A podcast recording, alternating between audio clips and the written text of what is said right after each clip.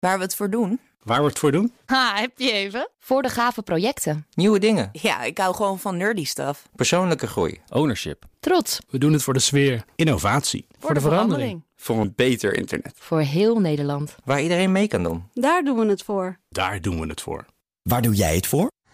Kom werken voor KPN en groei op jouw manier. Check de actuele vacatures op het gebied van data, security, development en networking op jobs.kpn.com/tech.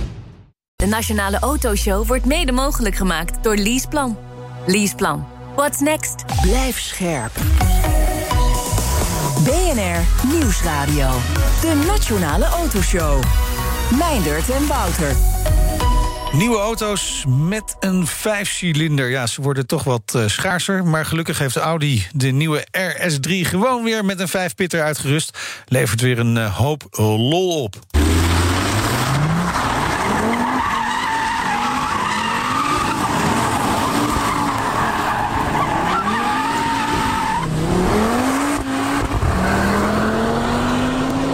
hier wordt ons Woutertje wel blij van, hè? Ja, is, toch is er nog iets van die banden over? Ja, viel mee. Oh. Maar ik zag later inderdaad wel de beeld. Dit, we hebben ook videobeelden hiervan. Toen zag ik, oh ja, wow, ja oké, okay, het rookt wel een beetje. Ja. Maar ja, eh, leuke auto. Lekker. Leuke auto. Nou, straks meer in de Rijnpressie. Wat gaan we nog meer doen? En we spreken Marissa van Laarhover, directeur van Cito Motors uit Eindhoven. Onder andere dealer van Rolls-Royce. En daar is ook McLaren bijgekomen. Ja. Ze houdt lekker Brits. Hè? Mooi hoor. En de showroom is officieel geopend. Maar we beginnen deze show met een van de topmensen van Mazda. President en CEO van Mazda Motor Europe is namelijk sinds afgelopen zomer een Nederlander, Martijn ten Brink. Alle reden dus om hem nu te spreken over zijn nieuwe rol en de staat van het Japanse automerk. Welkom, leuk dat je er bent. Ja, leuk hier te zijn. Was het uh, ja, ook je ambitie dat je dacht vroeger, oh, later als ik groot ben, dan wil ik deze functie? Wil ik de baas zijn? Ja, nee, ik, wil, ik, ben altijd al vanaf heel klein aan zat ik wel, ben ik wel heel erg verliefd geweest op auto's. En uh, ik wilde ook per se in de autowereld werken. En Ja. dat is gelukt. En uh, ja, dan van links naar rechts, een stapje opzij, een stapje omhoog. En uh, dus een paar keer geluk gehad en waarschijnlijk ook een aantal dingen goed gedaan. Waarschijnlijk wel, ja. Meestal is het zo'n combinatie. Maar was je ook toen je vroeger klein was wel het bazige type dat jij vertelde je vriendjes wat het plan was wat er vandaag ging Absoluut gebeuren? niet. Absoluut nee? niet. Nee, nee, nee, nee. Heel onderdanig. Dat is toeval dat je nu hier zo bent. Wel auto, echt auto-minded, petrolhead? Ja, ja, Ja? ja, Ja. wel. Ja. Ik weet dat ik uh, toch wel de posters aan de, aan de muur. En ook in mijn eerste, studentenkamers waren de posters ook nog steeds aan de muur. Ja. Ja. Oh, mooi. Dat Dan ging lang eigenlijk door. kan het dan niet meer Nee, natuurlijk. nee, word je nee. volwassen mooie andere poster. dingen. Als Ja. meisjes langskomen. Ja, je heeft bijvoorbeeld, al die hè? poster. Ja, Boekenkast ervoor. Ja, Ja, ja, precies. Maar nu dus al twintig jaar eh, bij Mazda in verschillende functies. Dus het, het merk trekt je dan ook aan en je vindt het prettig om daar te werken. Eh, wat stuur je op dit moment precies aan? Nou ja, Mazda Motor Europe heeft een aantal divisies. We hebben een R&D-divisie. Die zit in Frankfurt, bij Open Oorsel bij Frankfurt. Daar hebben we design en research Ja. en engineering. In Leverkusen, bij Keulen, hebben we een, eh, ja, een klassieke sales- en marketingorganisatie. En we hebben in, eh, in België, in Antwerpen, hebben we eh, Mazda Logistics Europe. Dat is de, de auto's die binnenkomen via de schepen die we dan distribueren. En een groot, groot magazijn van onderdelen. En verder hebben we in 22 landen hebben we kleinere organisaties, national sales companies. En die horen er ook allemaal bij. Grote familie. Ongeveer 1500 man. Dat is best veel. En diverse eh, ja, dingen die jullie dan doen. van sport binnen de automotive. Nou ja, kijk, logisch is natuurlijk het, hè, de auto's moeten een keer aankomen en, Ja. en worden verkocht. Maar Ja. er zit ook R&D bij. Ja. En design. Nou, dat moet ik ook zeggen. Dat was voor mij. eh, ik weet niet, sommige mensen denken wel af en toe dat je denkt. Ik kan ook de, de job van mijn baas kan ik wel doen.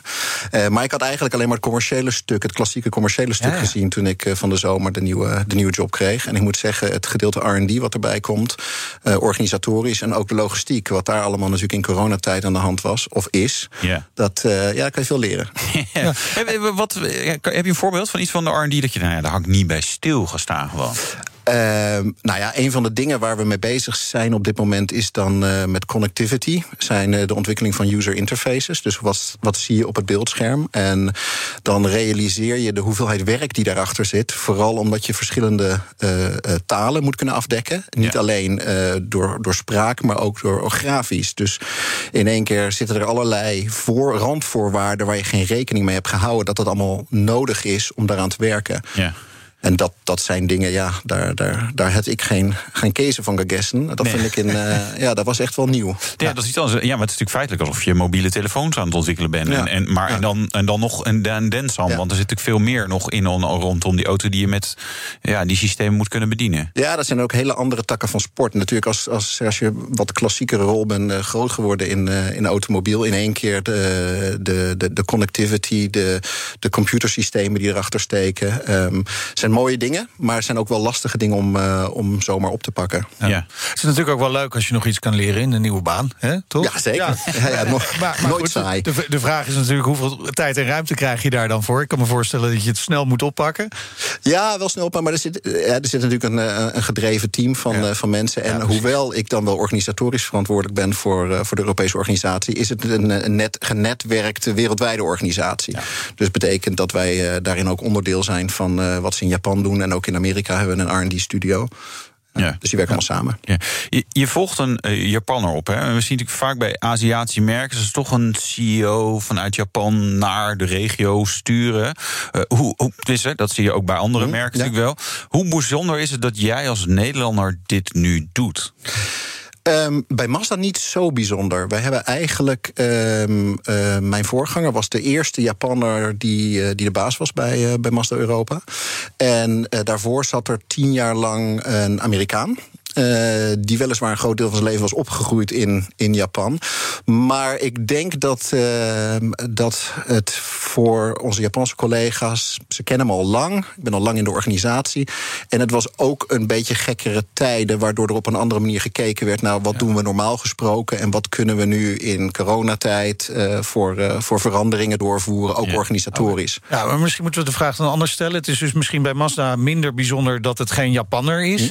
Maar hoe bijzonder is dat het een Nederlander is? Ja, nou. ehm, er zijn een aantal Nederlanders bij ons op kantoor. Ja. Een aantal Belgen.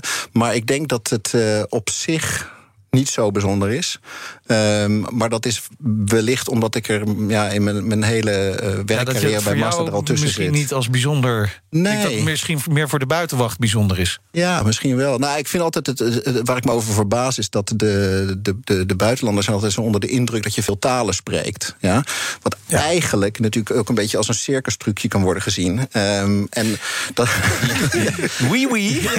ja, yes, Ja. Zo. En, eh, maar zijn, mensen, daar zijn mensen vaak heel erg van onder de indruk. En dat verwacht, dat verwacht ik vaak niet. Eh, dan zeggen ze, oh, dat moet wel een hele slimme persoon zijn. Ja. Wat natuurlijk ook zo is in dit Ja, geval. nee, precies, uiteraard. uiteraard. Nee, maar het ons was wel opgevallen de afgelopen jaren... toch ook bij andere grote automerken... best wel veel Nederlanders zo in die top aanwezig zijn. Is, is dat nou toeval of heeft dat ook te maken inderdaad met wat je zegt... het, het het- er is iets nodig... wat wij Nederlanders kennelijk wel aardig kunnen? Ik denk het wel. We zijn natuurlijk en geen Duitser en geen Brit. Dan zit je in het midden. Dus je bent een beetje de, de, de, de neutrale keuze, denk ik ook, als het om internationaal spel gaat. Maar ik denk dat we als Nederlands ook wel een mooi voor, voordeel hebben met de. Ik denk de relatieve de openheid die we hebben, het makkelijk eh, connecten met verschillende mensen uit verschillende landen. Dat doen we toch eigenlijk ook als ik naar mijn collega's op kantoor kijk, mijn Nederlandse collega's. Dat doen we op een, een of andere manier doen we dat gewoon goed. Ja, maar is dat, is dat in Japan ook een voordeel? Dat je direct een open. Ik, ja, ik ken de Japanse cultuur eigenlijk niet goed dat genoeg, maar dat ik gevoel. misschien wel iets wat... Hmm, denk ik, ja. Ja, nee, goed. Je hebt natuurlijk altijd het, het feit... je bent of in een vergadering op kantoor... of je bent s'avonds samen met elkaar, met elkaar wat drinken of In een wat eten. Of in een karaokebar. Dus ik denk, ja, het wordt ook wel gewaardeerd. Nederland heeft natuurlijk ook, denk ik wel, een rijke traditie met Japan. En Ja, dat daar zijn Japanners zich enorm van bewust. En dat, dat zie je en dat hoor je ook. En Nederland is gewoon een fijn land voor hun. Ja. Zijn wij ons daar voldoende van bewust? In Nederland? Nou, we zijn wat brutaal dan soms daardoor. Ik denk dat we vaak gezien worden als uh, wel een beetje te brutaal. En dat moeten we wel af en toe managen, denk ik. Ja. Nou is Japan, of uh, Mazda is natuurlijk wel echt een Japans merk. Een beetje eigenwijs, uh, richting de buitenwereld ook. Merk je daar intern wat van? Oh, zeker, ja. Wat? wat, wat Nou, ik denk het feit dat anderen het doen... betekent niet dat wij het moeten doen. We hebben natuurlijk oh, ja. een, een, een, bedrijf met een, met een historie uit Hiroshima. Dat is sowieso een bijzondere stad. Zeker. En als je daar ooit geweest bent, dan, dan, dan proef je en dan kan je dat leven. En de mensen uit Hiroshima en de mensen van Mazda leven ook echt hun, hun stad en hun cultuur. En daarbij hoort dat niet alles wat van buiten komt goed is. En wellicht kunnen we het zelf nog eens over nadenken en slimmer doen of anders doen, omdat het daardoor wat beter wordt. Is net Nederlands. Ja. oh ja, we hadden het net over de, over, over, de mondkapjes. Oh ja, nee, we, we waren de, de, laatste die eraan begonnen en, en de eerste die ermee stopte. Ja, we moeten toch kijken hoe we dat anders kunnen doen. Um, uh, Hiroshima, ja, dat is natuurlijk vanuit de Tweede Wereldoorlog een, een bijzondere geschiedenis. Aan de andere kant denk ik dan, ja, ik kom uit Rotterdam, maar ook... Uh, ook een bijzondere ja, ja, Zijn daar parallellen tussen dat soort steden? Of, of ik weet niet of jij Rotterdam genoeg kent, maar is, is, is, daar, is daar iets in te vinden in dat soort culturen? Nou, ik denk dat het... Um Oh, dat is een moeilijke vraag. Maar ik denk dat wat je, wat je terugvindt is dat je zoveel plekken hebt waar er, uh, waar er geschiedenis is um, in de stad. Als je daar uh, rondloopt, word je er permanent mee geconfronteerd. En ik denk dat dat anders is in Rotterdam. Um, dat het daar veel, er is veel meer vernieuwing geweest in, uh, in Rotterdam. Ik denk dat er in, in, in Hiroshima is er veel. Ja, de, de, de laatste boom die nog bleef staan oh, ja. toen de bom viel, ja, die staat er nog. En daar is een heel park omheen gebouwd. Ja. ja daar kan je niet omheen. Nee. En ik, ik denk dat, ja, dat als stad leven ze die, die, die geschiedenis toch wel erg sterk. Ja. De eerste keer dat je in Hiroshima was, vond je het confronterend om daar dan rond te lopen? Um, de eerste keer dat ik. De, nou, ik weet dat ik de eerste keer dat ik daar ging, uh, naartoe ging, was, een, uh, was in 2001 of 2002. En toen ben ik naar het, uh, naar het, het Peace Museum, museum geweest. En dat is waar uh, in, het, uh, in het park waar dan daarboven het epicentrum van waar de, waar de, waar de bom dan is uh, ontploft. En dat kan ik me nog herinneren alsof ik daar gisteren liep. Toen had ik denk ik ook wel tranen in mijn ogen van alles wat je daar ziet. Ja, ja. ja, ja. Ja, dat is niet een, ja, een confronterende ja, plek. is confronterend. En dan, dan zie je daar, daar hebben ze natuurlijk alles bewaard. Maar dat is wellicht net alsof je of naar Auschwitz gaat... of ja. van die be bekende plekken bezoekt. Ja, en als je dan op je eentje een beetje jetlag moe... en dan loop je daar doorheen en dan uh, is ja, dan raakt dat, ja, dan raakt dat je wel je. natuurlijk. Goed, uh, dat is het verleden. Nu even naar het heden. Hoe gaat het met Mazda? Mijn Mazda gaat op zich goed. Uh, maar ik moet ook toegeven dat uh, de, de coronatijden, of hoe we het ook willen noemen, de supply chain tijden, um, de elektrificatie is een behoorlijke uitdaging um, uh, voor ons wereldwijd. We hebben de, het, het afgelopen jaar enorm moeten ja, plannen en replannen en replannen, wekelijks. En dat is lastig. Um, gelukkig zijn er, uh, nou moet ik zeggen, het, het, het, team wat aan de toekomst van de nieuwe plannen werkt, hebben we, nou maar, uh, laat maar zeggen. Ge, ge dus hebben we gezegd: oké, okay, jullie moeten in deze tijden door kunnen werken aan de toekomst. En de okay. mensen die operationeel bezig zijn, die mogen de hele dag uh, schaak spelen. Ja, en, leveranciers bellen. Wat heb je dan wel? Dus ja. dat uit elkaar halen, ja. denk ik, was een, was een okay. belangrijke beslissing. Helemaal in het begin al van toen we zagen dat het toch wel heel erg lastig ging worden. En ja, verder hebben we gewoon veel in moeten boeten op de productie. Um, um, ook de planning van de productie, wanneer komen de auto's. En dat is denk ik voor ons het allerlastigst. Want verder is de, de vraag is er wel. Ja, uh, precies, dat ja. is het probleem niet. Maar, maar de, die supply chain, wanneer wordt die opgelost, dat probleem daar? Ja, ja. Ja, Goeie nou, vraag. Nou, ja, ja, nou, Wist ik het maar. Er vroeg iemand aan mij uh, zo, um, uh, die vroeg van ja, hoe gaat het nou met de, met de supply chain planning op kantoor? Dus ik, nou, gaat eigenlijk best goed. We zien nu dat er dingen duidelijk verbeteren, dat we meer zicht hebben op de pipeline. En twee dagen later trof ik die persoon weer bij de, bij de koffie. En ik zei, nou, weet je wel, toch niet zo. ik denk dat het, uh, het, het lastig is dat het, dat het iedere dag anders is. En ook iedere dag weer nieuwe dingen naar boven komen oh ja, waar je is, niet van wist. Dat is natuurlijk het interessante. Het begon allemaal bij die chips, maar inmiddels zijn er heel alles. veel ja. onderdelen die ja. moeilijk leverbaar. Echt alles, zeg je ja. ook. Ja. ik denk dat het, uh, het komt natuurlijk op een gegeven moment is wat is, wat is de, de hoofdoorzaak? Uh, want het feit, jullie zullen er ook wel over gehad hebben, de, de containers, die, uh, de, de, kosten van de containers of überhaupt de shipping capacity. Kan je een container boeken en komt die dan ook aan als je hem besteld hebt? En voor ons is het niet alleen de nieuwe auto's, maar het zijn ook de, de onderdelen die komen. En die komen uit de hele wereld. En ja, de planning en de transparantie daar op dit moment is erg, erg lastig. Ja. En Ik weet niet wat nou de, de sleutel is die het, doet, uh, die, doet, die gaat doen het uh, verbeteren. Een lekkere economische crisis eroverheen, dat zou uh, wat minder vraag. Maar dat is misschien niet helemaal de oplossing waar we allemaal op zitten te we wachten. We wachten wel een paar weken op de container. ja, ja, ja, precies. wat, wat heeft het voor, voor effecten op, op sales? Want je, je bent natuurlijk ook verantwoordelijk voor om genoeg Mazda's door de dealers richting blije consumenten te duwen. Nou, ik denk de, de, dat de, de, economische cijfers, of in ieder geval de vraag in heel Europa, is vrij sterk. Ja. Um, dus er, er, is genoeg mogelijkheden om auto's te verkopen. Wat je ziet is, omdat er minder, minder uh, aanbod is, dan zie je dat er wat minder kortingen worden gegeven. Uh, dat de transactieprijzen wat omhoog gaan.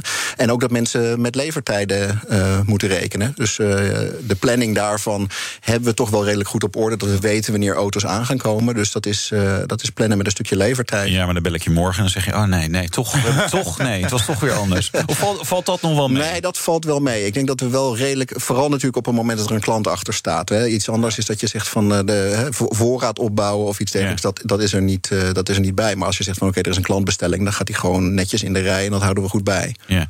Maar en qua aantallen, gaan jullie dit jaar gewoon veel minder doen dan vorig jaar bijvoorbeeld? Of?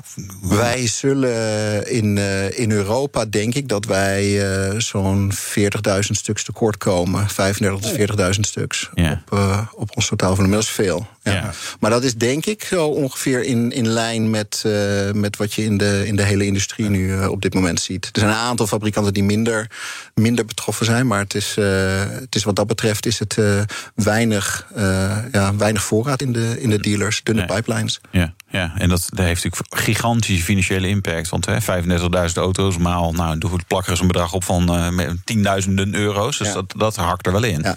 Maar je ziet natuurlijk wel dat je kan de, de, de, de cijfers of de halfjaarcijfers van, van de automobielfabrikanten kan je zien. En er zijn een aantal waar je natuurlijk sterk ziet dat uh, de marges verbeterd zijn. Dus Ja. op het moment dat er, dan zie je dat een stukje van die overproductie dan, dan verdwijnt. En dat de, de, de prijsbalans wat, wat shift. Maar je Geen ziet ook. korting. om netjes te zeggen. En, maar je ziet ook dat aantal bedrijven gewoon echt veel, veel last daarvan hebben. Wij houden in principe hebben wij volgende week een financial forecast die, die naar buiten komt. En de vraag is hoeveel kan je compenseren met efficiënter werken, bepaalde ja. dingen niet doen. Uh, dus uh, fingers crossed. Die, die Europese markt, hoe belangrijk is die voor Mazda? Um, laat maar zeggen, het is ongeveer 20% van ons totaal ja. globale volume. Um, ik denk dat het een hele belangrijke markt is als het gaat om trends. Uh, zeker op dit moment. Uh, en normaal gesproken zou je misschien als uh, automobielfabrikant niet een RD-faciliteit in Europa hebben met, met onze grootte. Maar we hebben een lange historie om veel van onze techniek in Europa te ontwikkelen of mee te ontwikkelen. Ja. En um, de meeste mensen die uh, hoog in, uh, in de organisatie zitten, hebben in Europa gewerkt. En die hebben echt een, Oh warm hart voor Europa. Dus onze, onze de voorzitter van de Raad van Bestuur en de drie mensen links en rechts van hem, die zijn allemaal uh, ja, fan van Europa. En dat drijft natuurlijk ook zo van: oké, okay, in Europa, als we het in Europa goed doen, doen we het wereldwijd. Ja, precies. Goed. Is het inderdaad zo dat als je in Europa een auto weet te verkopen, nou dan lukt het overal ja, wel zo'n nee, beetje. Waar, dat is, ja. dat, dat is uh, misschien een beetje een, een klassieke ouderwetse, maar die, die klopt wel als je erover na gaat denken. Als je in Europa succesvol kan zijn, dan heb je de kans om overal succesvol te zijn. Ja. Luisteren ze dan ook meer naar jou? Want jij bent de, de baas, van Europa. baas van Europa. Dus juist, nou, dat hebben we echt nodig hier. Ik vertel ze wel veel, ze luisteren. nee, dit, um, uh, ik, ik ben blij. Ik ken natuurlijk, omdat je wat langer in die organisatie zit, ben je ook wat groot geworden met een aantal van die, van die mensen die nu uh, ook de beslissingen uh, op bepaalde plekken nemen. En dan heb je gewoon een goede, een goede discussie over wat er wellicht moet gebeuren, wat er moet veranderen. En uh, daar luisteren ze zeker naar. Ja. Ja. En wat moet er veranderen? Wat zijn de ambities voor Europa? Nou, de verandering naar volledige elektrificatie ja. is, de, is de grootste stap. En daar loopt Europa natuurlijk in op, voor op, op, op de rest van de wereld. Ja, en Japan een beetje achter, mag ik dat zeggen? Jazeker. Ja. Ja, ja. Nee, maar dat zie, dat zie je ook natuurlijk op het moment dat je een, een land hebt... wat voornamelijk afhankelijk is, was van de nucleaire energie... Ja. van de nucleaire elektriciteit. Die dan zeggen van oké, okay, we gaan daarvan weg. Maar er is niet zoveel mogelijkheden in Japan om, uh, om uh, ja, sustainable energy te, te produceren. Nee. Dus dan wordt het uh, kolen of importgas. Um, en dat is natuurlijk niet de beste basis om, om je hele wagenpark te gaan elektrificeren. Ja, nou, daar hebben we in Nederland ook niet zo last van hoor. We hebben ook niet echt veel groene energie. Dus dan. Uh, maar maar laten we wel We hebben de potentie hier. Wouter. Ja, ja, ja. Oh, ja. Welke, rol, welke modellen gaan er een grote rol in spelen? In die transitie ook van Mazda? Nou, we hebben een aankondiging gedaan over een volledig scalable uh, elektrisch platform. Ja. Wat, uh, wat in ontwikkeling is, maar waar de eerste model nog even op zich laten wachten.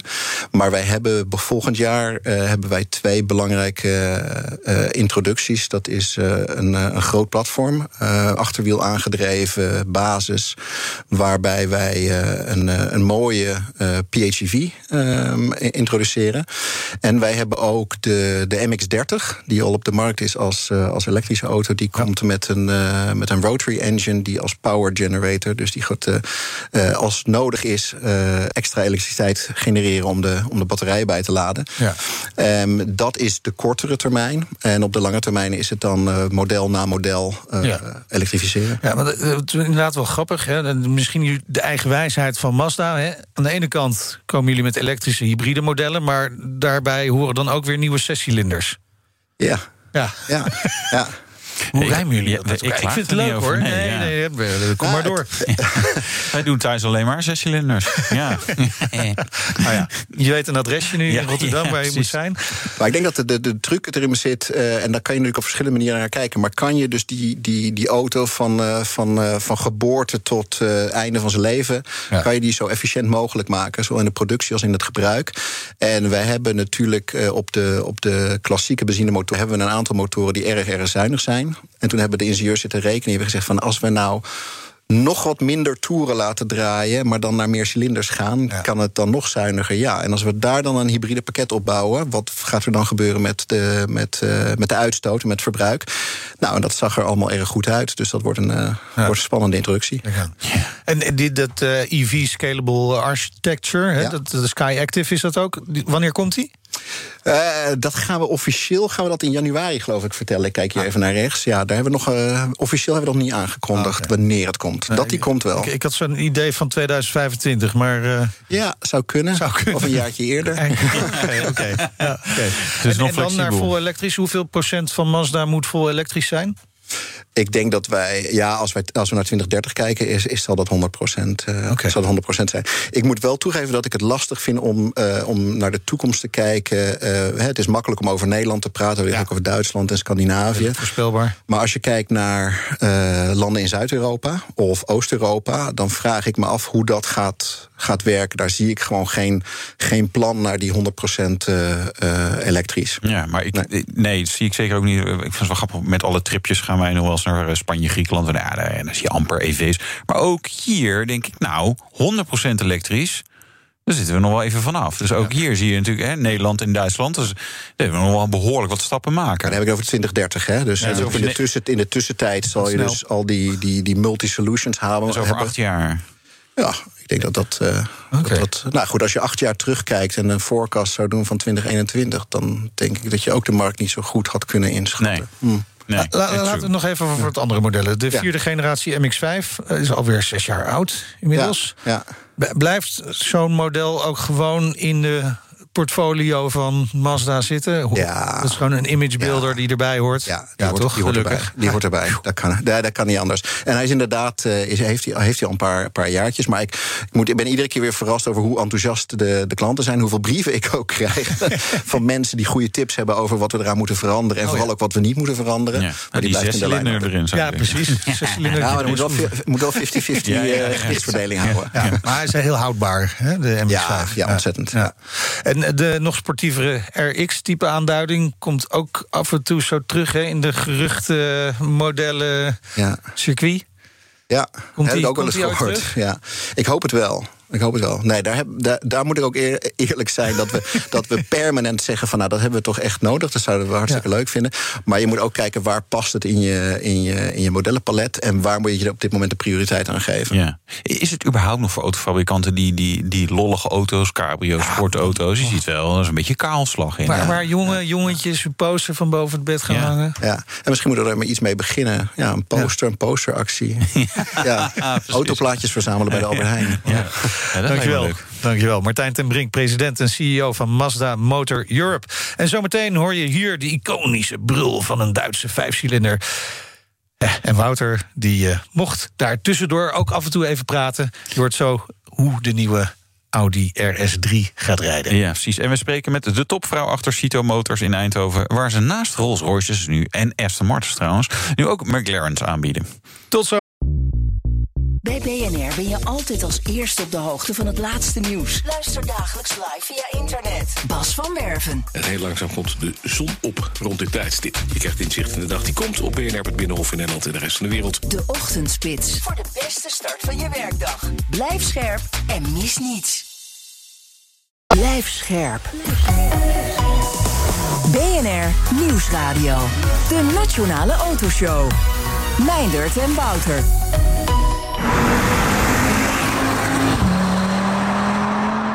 Ja, zo klinkt de nieuwe Audi RS3 vijfcilinder. Wouter vloog uh, onlangs naar Griekenland om daar de auto te testen. Hij zocht ook eventjes de limiet op.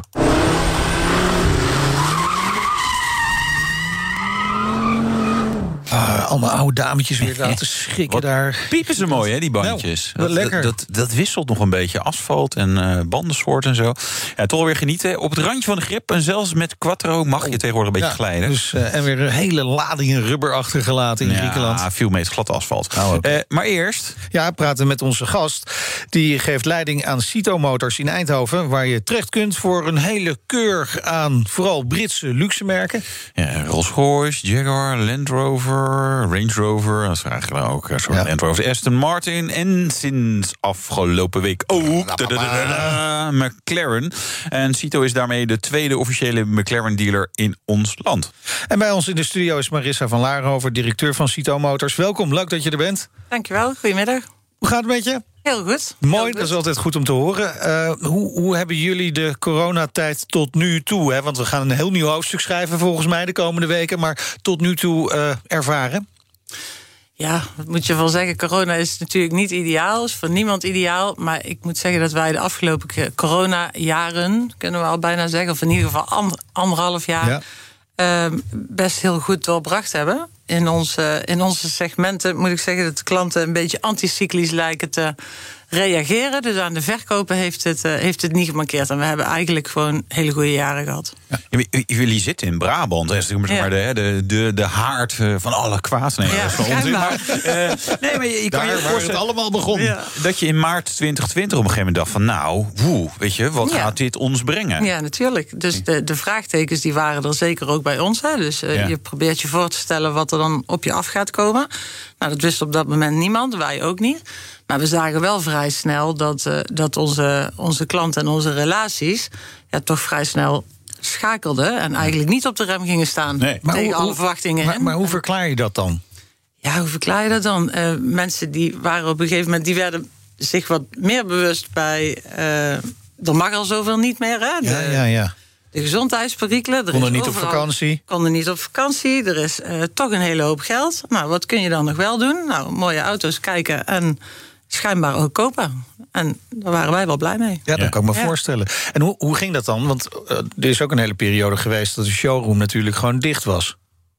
Of nauwelijks open. Ja, dicht of op afspraak. Ja, precies. Echt gesloten is maar een hele korte periode ja. geweest. Maar wij waren wel geopend op afspraak. Dat hield dus ook in dat de klant die binnenkwam... dat die ook goed voorbereid en gericht voor een auto binnenkwam. En, en wij hadden daar dan alle tijd en aandacht voor. Dus ja, het hielp, het, het, het hielp ons op sommige fronten ook wel. Ja. Ja. ja. En, en toen kwam daar overheen de chiptekort of halfgeleider tekort, ja. supply chain problemen. Ja, ik moet zeggen, daar hebben wij echt recent pas uh, met onze merken veel last van. Of veel last van. Je ziet dat nu komen. De, de leverproblematiek komt in, uh, in, in zeker de nou, het hogere segment, laat ja. ik het dan zo zeggen. Daar merken wij dat nu eigenlijk pas komen. Want afgelopen anderhalf jaar hebben we eigenlijk um, heel veel auto's verkocht en geleverd. Ja. Nog. Nog. En nu gaan we langzaam langere leeftijden Ja, en nu verkopen we nog steeds. Alleen de levertijden worden langer. Maar ja, dat, dat, dat is problematiek. Daar heeft elk merk ja. op het moment mee van doen. En ja, hoe lang dat gaat duren, dan uh, we gaan het zien. We gaan het zien. Ja, en we, we gaan dus zeer waarschijnlijk toch wel weer in een lockdown hè, in Nederland. Daar lijkt het wel op in elk geval. Maar, maar, daar maak jij je dan eigenlijk niet eens zo heel veel zorgen over als ik het zo hoor. Nou ja, er zijn. Qua business dan, hè? Misschien persoonlijk is het anders. Maar... Nou ja, het, het brengt beperkingen met zich ja. mee. En die beperkingen die zijn natuurlijk uh, ontzettend jammer. Wij zijn heel blij dat we afgelopen weekend nog hebben kunnen openen met McLaren Eindhoven, onze nieuwe showroom. We hebben natuurlijk in de vorige coronaperiode ook niet vaak uh, klanten en grotere events en onze relaties bij elkaar kunnen hebben en krijgen.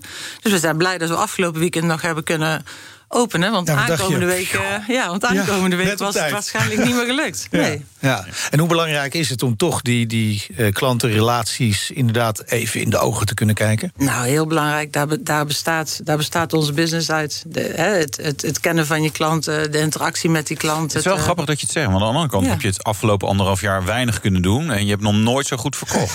Dus ja. ja, kun je het ook bekijken. Nee, maar daar geldt ook weer. Je houdt natuurlijk wel contact met je klanten. Het is niet zo. Uh, als je elkaar niet op een feestje of in een event met grotere gezelschappen kunt zien, dat je je klant niet opvolgt. Want dan, dan komt het niet goed. Nee. Dus wij hebben ja, toch ook wel echt heel veel tijd en energie gestoken in, in het uh, dan één op één benaderen en ja. contact houden en zien van onze klant. Ja. ja. ja Blijft hard werken. Ja, natuurlijk. Ja. Je, je moet het allemaal zien. Dit zijn zaken waar je niks aan kunt doen, kunnen wij niet beïnvloeden. En het enige wat je kunt doen is om dan de kansen en de mogelijkheden daarin Het, ja, het, te zien. Het trigger even door wat Meijnerd zegt. Want het is natuurlijk hard werken, zei hij. Hè. Uh, dit is natuurlijk een klantengroep die gewend, gewend is om op hun wenken te worden bediend. Is, Geldt het dan voor jullie ook dat je als je Doe mij nog steeds. zondagavond 9 uur bedenkt... nou, eigenlijk, uh, hoe zit het eigenlijk met die kleur van die Rolls Royce... dat er, dat er dan Ja. bij jullie toch ook wel weer antwoord komt? Omdat, ja, omdat dat... nee, maar vanzelfsprekend, natuurlijk. Nou, vanzelfsprekend. Ik heb ook een hoop win winkels, sorry. zeg maar. de, eh, klopt. Ja, eh, Maar dat is inherent aan het segment en Ja. inderdaad ook aan de klant. En, en misschien ook wel de merken. Dat, dat is eigenlijk één groot pakket. Maar ja, de, de klant komt vaak thuis en dan zit hij op de bank en dan zit hij in de relax-modus. En dan gaat hij Ja. nadenken over de auto en dan komen de Ja. vragen. Nou, en, en onze klanten hebben al onze mobiele nummers. Dus ja, wij zijn eh, vrijwel altijd bereikbaar. En we proberen ook altijd. Zijn eh, groepjes aangemaakt ook, dat soort dingen. Nou, dat niet, dat niet. Nee, maar je probeert natuurlijk heel flexibel met de klanten te schakelen. Ja. Wat betreft die eh, merken, nou ja, gefeliciteerd hè, met de toewijzing als officieel McLaren-dealer. Ja, dankjewel. Waarom past dat merk zo goed bij jullie portfolio? Behalve dat het Brits is, want dat is misschien iets te makkelijk antwoord.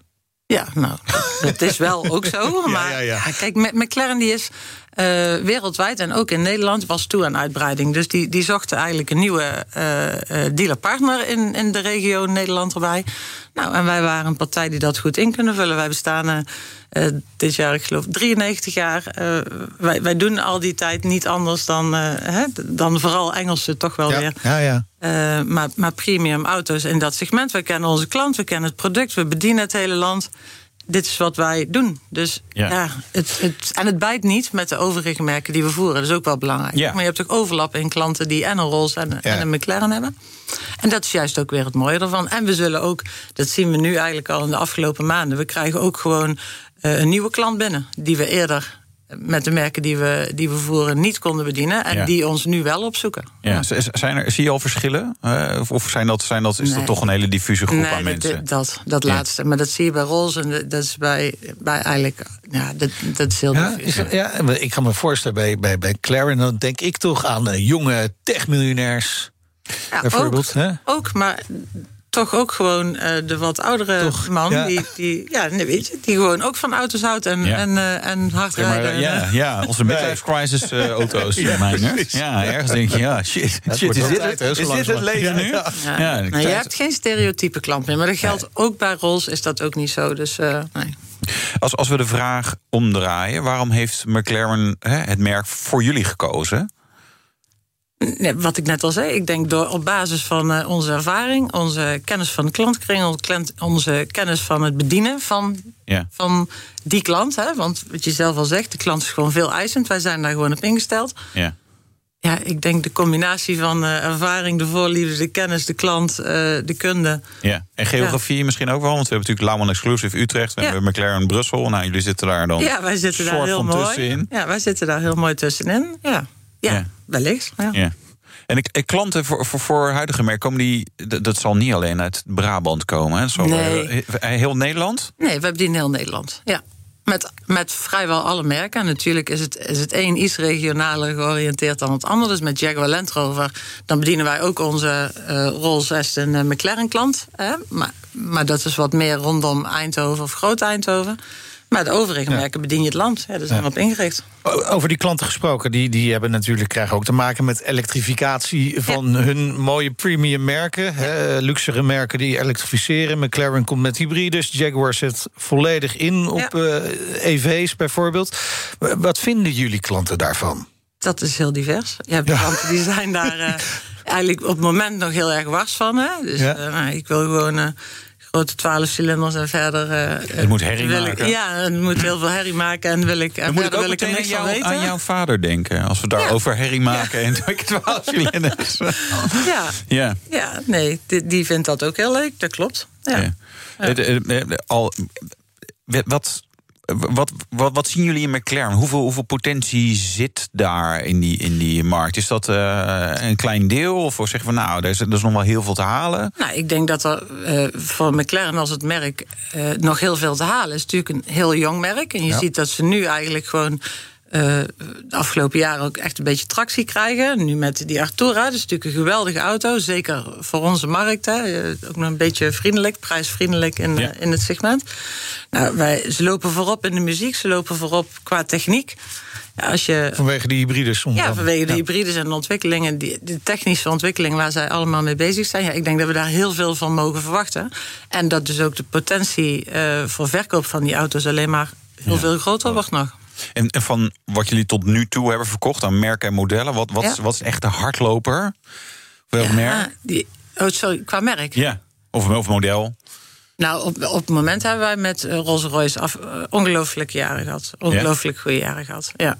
ja. En heb je daar verklaring voor? Nee. Nee, Nee, niet, nee, niet anders dan, dit, dat- dan, eh, dan waar we het net al over gehad hebben. Nee, Ja. ja. gewoon een heel, heel goed product. En nogmaals, de tijd zal ook niet mee. Dus mensen kunnen Ja. hun geld weinig kwijt. Ja. En, Ik vind het ergens een beetje on-Nederlands product. Zeg Maar zo luxe en overdadig. Is, is, past, dat bij, past dat bij Nederland, bij Ro- Rolls-Royce? ja, Toch wel? ja, toch wel. Dat, dat, nee, dat is een imago wat Rolls eigenlijk al een tijdje misschien niet meer heeft. Nee. Dat het is alleen maar voor het Koningshuis en, eh, en het is heel exclusief. Het is gewoon echt een auto voor, eh, ja, voor diverse type mens. Ja. Ehm, nou, nou is de autowereld traditioneel natuurlijk best wel een mannenwereld. Ja, Dat heb jij ongetwijfeld ook wel ervaren. ja, Ja. ja. nee. Ja. En, en dan is het opvallend dat er bij zo'n eh, bedrijf als Cito Motors een vrouw aan de top staat. Hoe ervaar jij dat eh, om te werken als topvrouw in die Nederlandse automotive? Is, is, is, is het aan het veranderen? Ja, het antwoord is duidelijk ja. Ja. En, en ik moet eerlijk zeggen dat, ik dat niet ook. zo. eh, ja. Ja, ja jij Maar- bent er natuurlijk mee opgegroeid. ja, dat is het. En ik zie dat niet zozeer of dat het nou topvrouw of topman is. Je zit in die automotive wereld. Ik, ik ben niet anders gewend, omdat het, het is familiebedrijf. Ja. Dus je bent ermee opgegroeid. Ik zit inmiddels eh 15, 16 jaar eh, vol in de zaak. Weet je, de, de branche aan zich, of je nou man of vrouw bent, er is genoeg te doen. Heel veel uitdagingen, heel veel kansen. Het segment is geweldig, klant is top. Ja.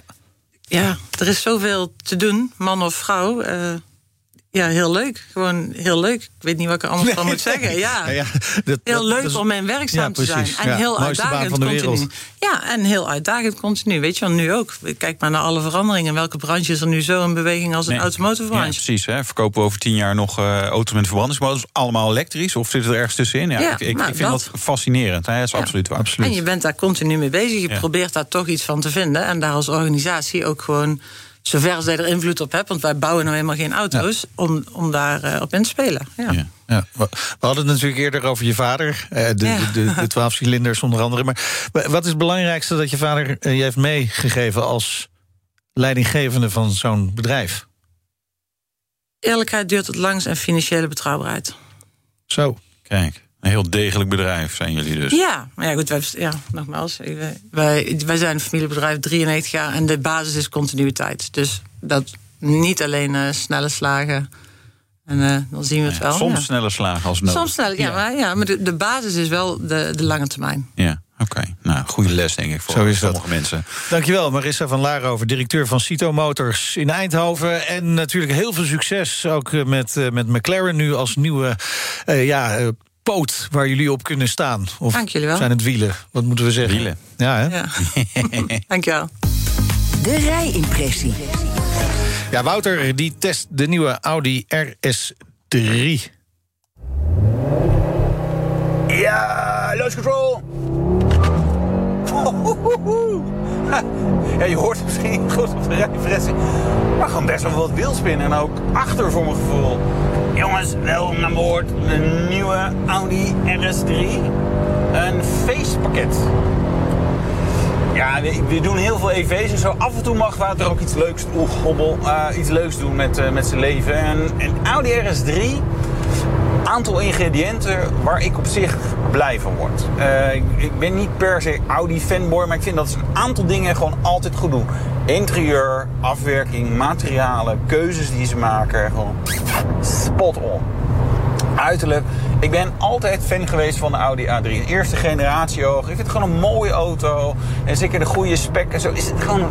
Ja, het, het oogt meer premium dan de rest van de concurrentie eh, in hatchbacks. Hè? Want je hebt heel veel hatchbacks van Golf, hè, zustermodel, Leon, Ford Focus, Renault Megane. Maar Audi A3 is dan altijd gewoon net even wat mooier. En de huidige Mercedes A-klasse ook erg mooi. Ook gewoon goed geluk. Ehm, dan een hele dikke motor. 9 keer al International Engine of the Year geworden. Eh, nou, daar doen best wel veel andere motoren ook mee mee. Ja, 2,5 liter, 5 cilinder, TVZ-blok. Dus ook een turbo, directe injectie. Ehm Zelfde vermogen als voorheen, dus 400 pk. eh, maar eh, uitgespreid over een breder toergebruik. Oh, ik ga even inhalen. Het is echt schoftig snel. Ehm, tussen de 5600 en 7000 toeren heeft hij dat vermogen. Dus het geeft ook al aan van ja, eigenlijk zit er veel meer in. Want anders laat je die turbodruk nog lekker langer, hoger oplopen. En dan haal je nog meer vermogen uit. Dat gaan tuners ongetwijfeld wel doen. 500 newtonmeter een koppel. Alhoewel ik wel vind, hij moet een beetje toeren hebben. En en die bak is soms wat langzaam. Dus dat, dat zijn kritiekpuntjes. Maar het is, ja, zeg maar kleine dingen voor verder echt waanzinnige auto. En echt waanzinnige prestaties. Topsnelheid. Laten we daar eens mee beginnen. Natuurlijk 250 in een normale versie. Dan kan je een pakket kiezen. Dan heeft hij 280 kilometer eh, topsnelheid. Maar je kunt ook eh, de begrenzer op 290 krijgen. Eh, en dat is als je de keramische remmen er ook bij bestelt. Dan mag die begrenzer nog iets hoger. Want ja, dus ook keramische remmen op een Audi A3, oftewel RS3, leverbaar. Wat best bizar is, maar dat was natuurlijk altijd supercar territory. Eh, ja, is, is wel mooi dat het kan. Sprint naar de 100, 0,3 seconden eraf vergeleken met de vorige generatie Audi RS3.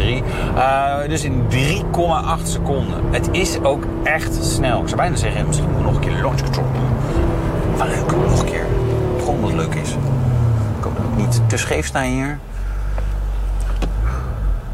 Wil echt niet. Nu wel. Je hoort en voelt aan de hele koets dat hij zeg maar lekker, lekker opdonder krijgt. En dan het leukste nog, echt heel leuk. Want wat was het probleem met een Audi? Ja, alle snelle Audi's, ja, onderstuur, een beetje saaiig.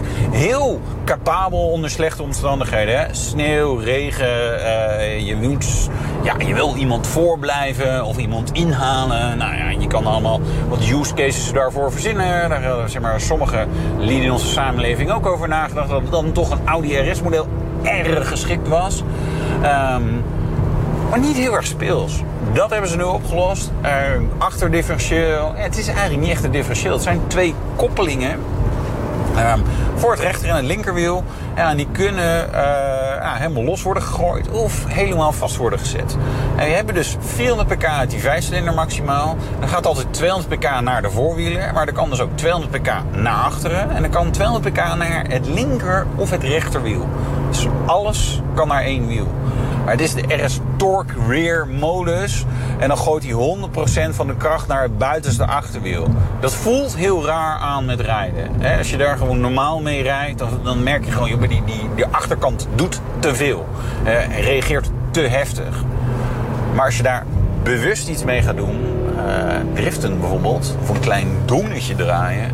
Ja, waanzinnig. Dat kan dus. Dat kan dus. De Audi RS3, hij gaat gewoon lekker dwars. Ja. Whenever you want. Eh, ja, ja, nee, wel vaak. Ja, het is natuurlijk echt wel veel power. En eh, ja, dat is wel leuk. Het is een leuke toevoeging. Dat is, zeg maar, ja. die, de Audi is niet de eerste Dat het nog een kan, hè, tegenwoordig. Nou, inderdaad. Dat ja. er nog gebouwd wordt. Nou, precies, nu nog wel. Ja, ja. ja nee, het is echt oprecht leuk. Ik vind die motor klinkt gewoon fantastisch. Weet je, en het is mooi afgewerkt, eh, lekker compact formaat en het gaat hard. En nou, het was altijd wat klinisch, misschien saai om Ja? te rijden. En nu kan je er wat meer mee spelen. Leuk. Zitten er nog nadelen aan? Nou, prijs is misschien Oh, een ding. ja. Hmm, moeten we het er echt over hebben? 92.000 euro, ja. Nee, het, er wordt steeds minder Oké, en, en, en dan nog de laatste quizvraag. Sportback of limousine? Ja, vanuit praktisch oog van doe de sportback maar. Maar ik vind de limousine wel echt mooier. Ja, maar jij bent zo praktisch ingesteld. Ja, dat, dat is Voor vandaar, sportback. vandaar de mijn huidige autokeuze. Ja, precies. Wat was het ook alweer? Ja, een klein sportautootje. Ja. Dit was de Nationale Autoshow. Terugluisteren kan via de site, de app, Apple Podcast of Spotify. Ja, vergeet je niet te abonneren natuurlijk. Volg ons Twitter, Facebook, Instagram, LinkedIn. eh, doen we ook veel schijnbaar. Eh, dus ja, allemaal hou ons in de gaten. Ja, en dan ben ik Meijnerd Schut. En ik ben Wouter Karsen. Tot En volgende week. Dan zijn we er weer. Doeg. Zo is dat. De Nationale Autoshow wordt mede mogelijk gemaakt door Leaseplan. Leaseplan. What's next? Ook Thomas van Zeil vind je in de BNR-app. Je kunt live naar mij luisteren in Zaken doen. De BNR-app met breaking news. Het laatste zakelijke nieuws. En je vindt er alle BNR-podcasts. Bijvoorbeeld Het Nieuwe Geld. Download nu de gratis BNR-app en blijf scherp.